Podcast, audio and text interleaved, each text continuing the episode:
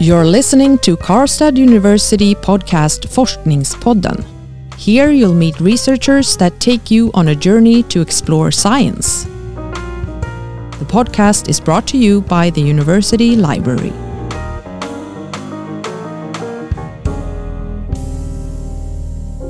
Hello and welcome to Forskningspodden. My name is Karin. And I'm Magnus.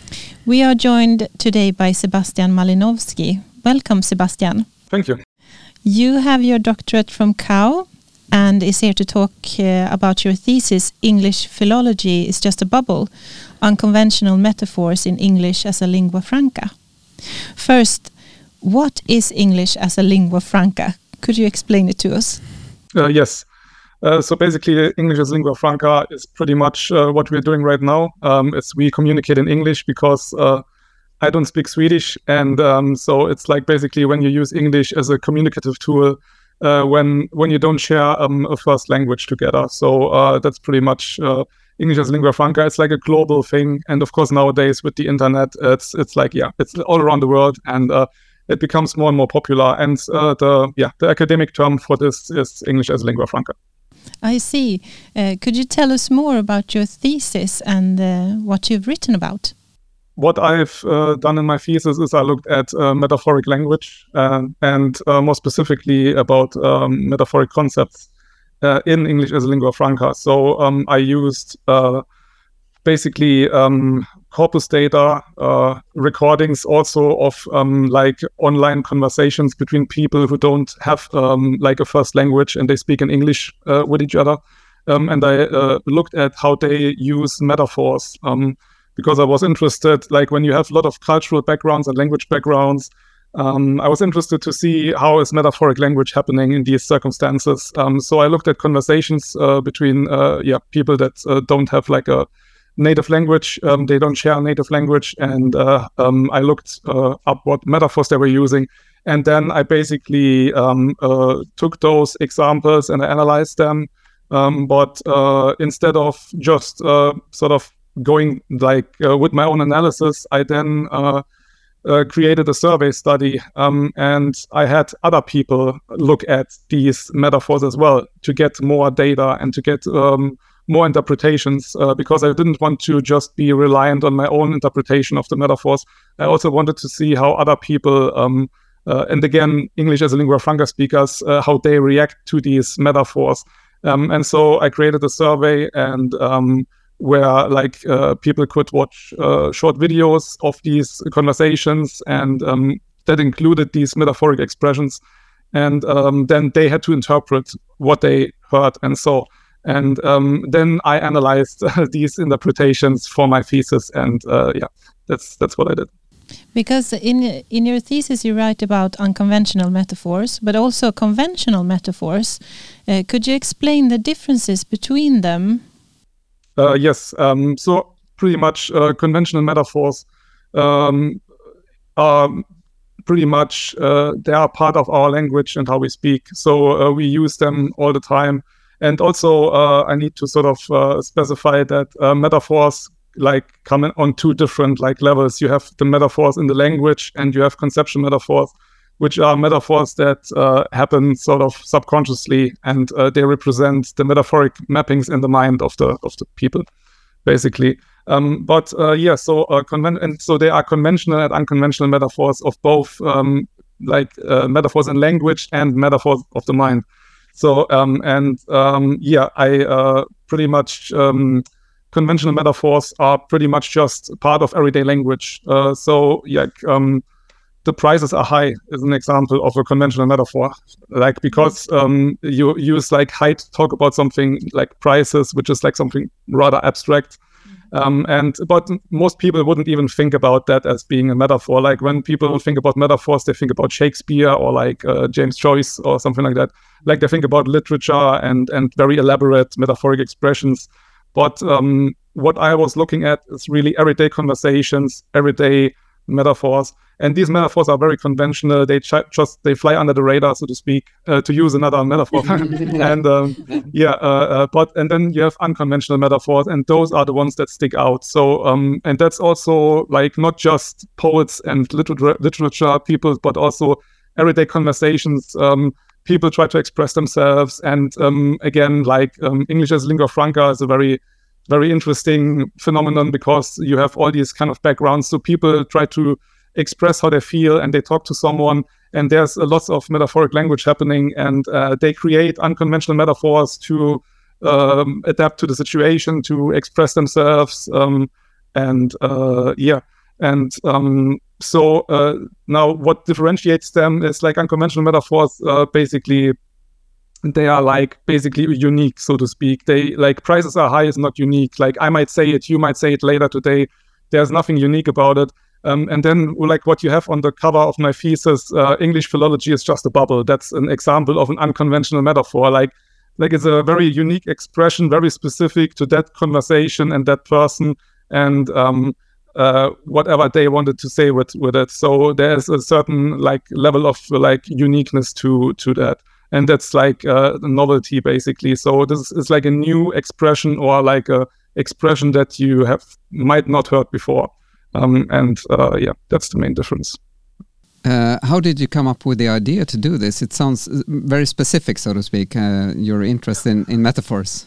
Yes, I mean I always have been like uh, like I mean I studied uh, linguistics and um, like during my bachelor's and my master's I um, I, basically took a course on conceptual metaphor theory during my bachelor degree, and um, I was always interested in in like metaphoric language and uh, it kind of was something that yeah just grabbed my attention and i kind of kept uh, progressing through the through the um, uh, degrees uh, with uh, different uh, like yeah interests um, in the field of linguistics but like my main interest was from the beginning metaphors and unconventionality creativity that's something that came later um, when i when i realized that like oh you can also sort of open up this whole thing and like uh, because I was interested also in creativity and like what what is creativity? How do people like um, what does it mean to be creative from an academic perspective?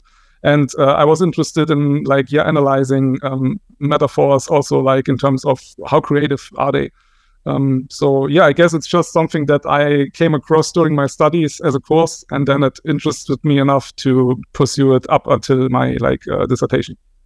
I'm also so curious about your uh, research method here and uh, using the survey and the par survey participants. As it, it, sounds like almost co-researchers uh, to some degree. Uh, exactly. Um, yeah, yeah. I mean, the the idea behind it was that. Um, uh, I wanted more interpretations than just my own, um, because of course, uh, and that, that's also something that I specifically wanted to do with my um, dissertation, was to um, have it like more objective than like traditional methodologies. Um, and uh, usually there's like the researcher interpreting the data.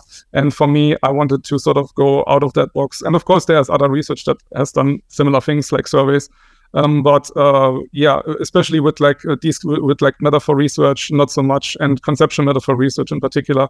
Um, so uh, yeah, it's it's kind of like having uh, like uh, all these co-researchers uh, who help you interpret something and then um, also I was able to like have have all the numbers because I didn't have one interpretation, I had 160 interpretations of the metaphors, and you can now back up your claims a lot better than just with your own intuition.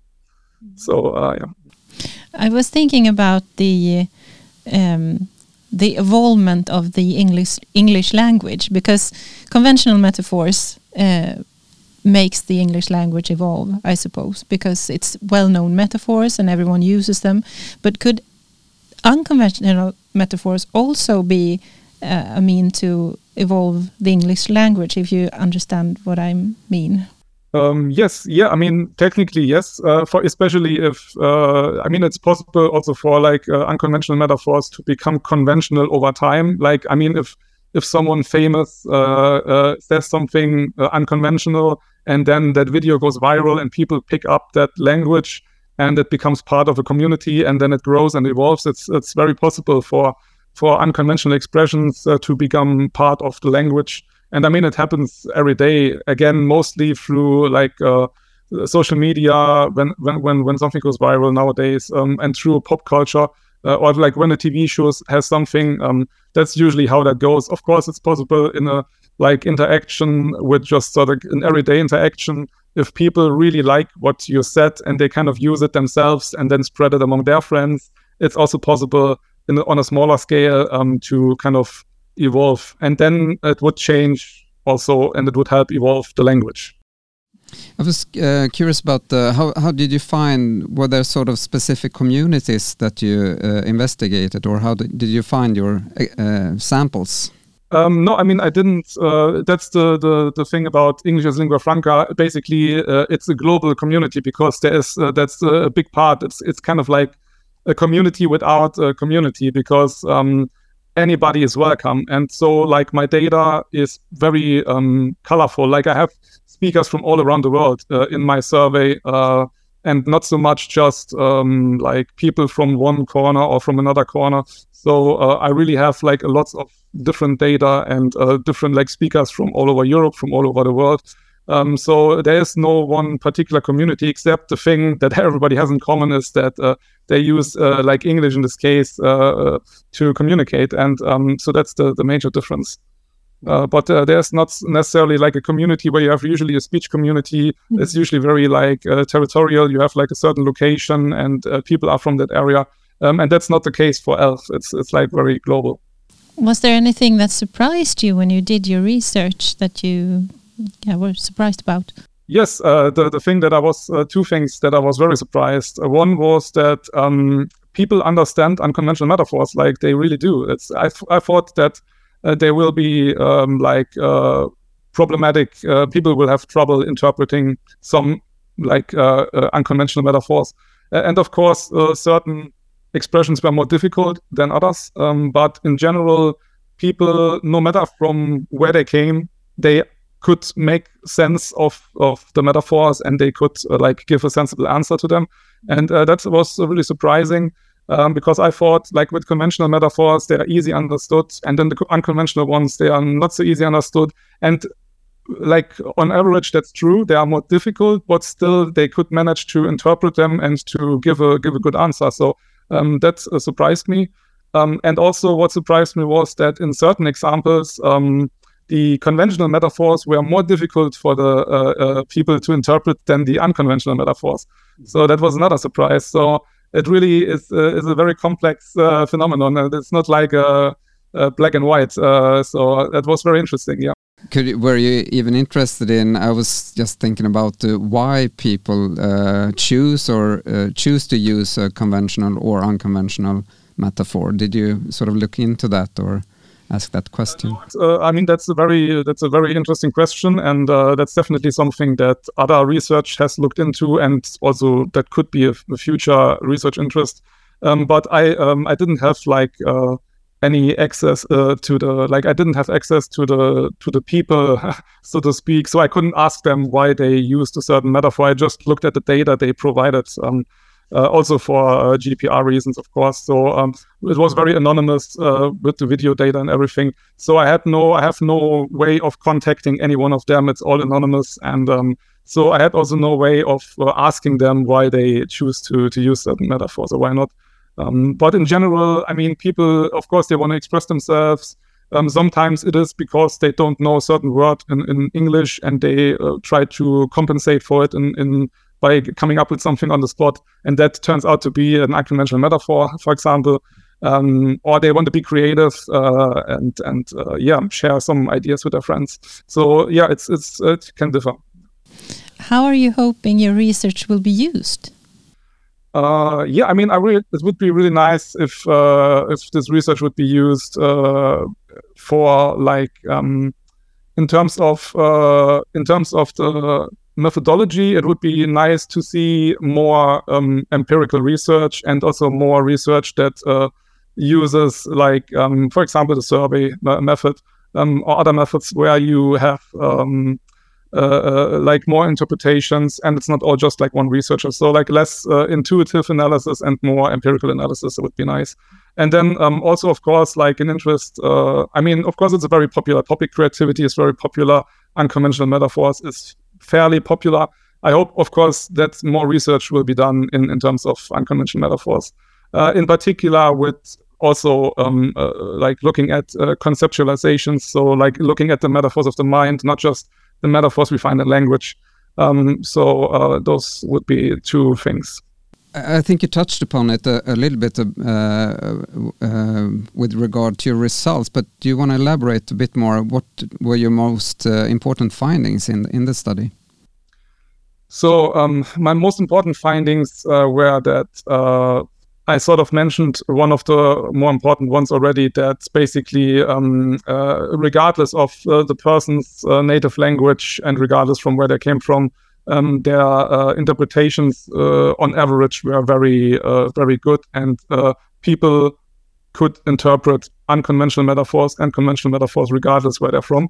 And there was no um, uh, like uh, I could, like I mean of course I my data 160 responses um, it's not statistically significant so um, I can't claim any statistical significance with this data but I mean I can see a trend in a certain direction. And again, uh, all of these people were more or less capable of uh, interpreting uh, unconventional metaphors. And so I think uh, uh, it's important to note that uh, people don't need to be afraid of, of using English, of engaging in English, and also um, should have more like confidence in their abilities because um, overall, um, yeah, people want to be understood and they want also to um, make sense of, of, of what has been said and they make an effort to understand. Uh, and the other one is a bit more like uh, um, the other result uh, that I feel is very important is that um, basically when you have unconventionality, uh, in my uh, research, uh, I basically broke it down into novelty, aptness, and context. Those were three factors of unconventionality that I specifically um, like found, and and so um, uh, like as part of, of my research, I would argue that um, most importantly, uh, you have these factors uh, that are responsible in one way or another for unconventionality in metaphors. Um, yeah, and that's another one of my important findings. Now that your thesis is here on the on the table, so to speak, it's finished. Do you have any advice for other PhD students who who are embarking on this research journey, starting fresh? Yeah, um, so never give up. Just keep on going until you finish. Don't give up. That's the single most important thing. No matter how you feel on a daily basis, keep on writing. Don't give up. Sounds good to me. Yeah, really yeah. good advice. Yes. Yeah. okay, thank you so much, Sebastian, for being a guest on Forskningspodden. We wish you all the best in the future. Thank you. Sebastian Malinowski's doctoral thesis is available for download for free in our publication database DIVA.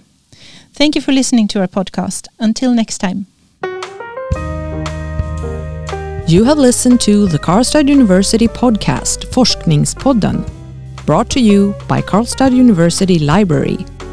More episodes can be found at kau.se slash forskningspodden.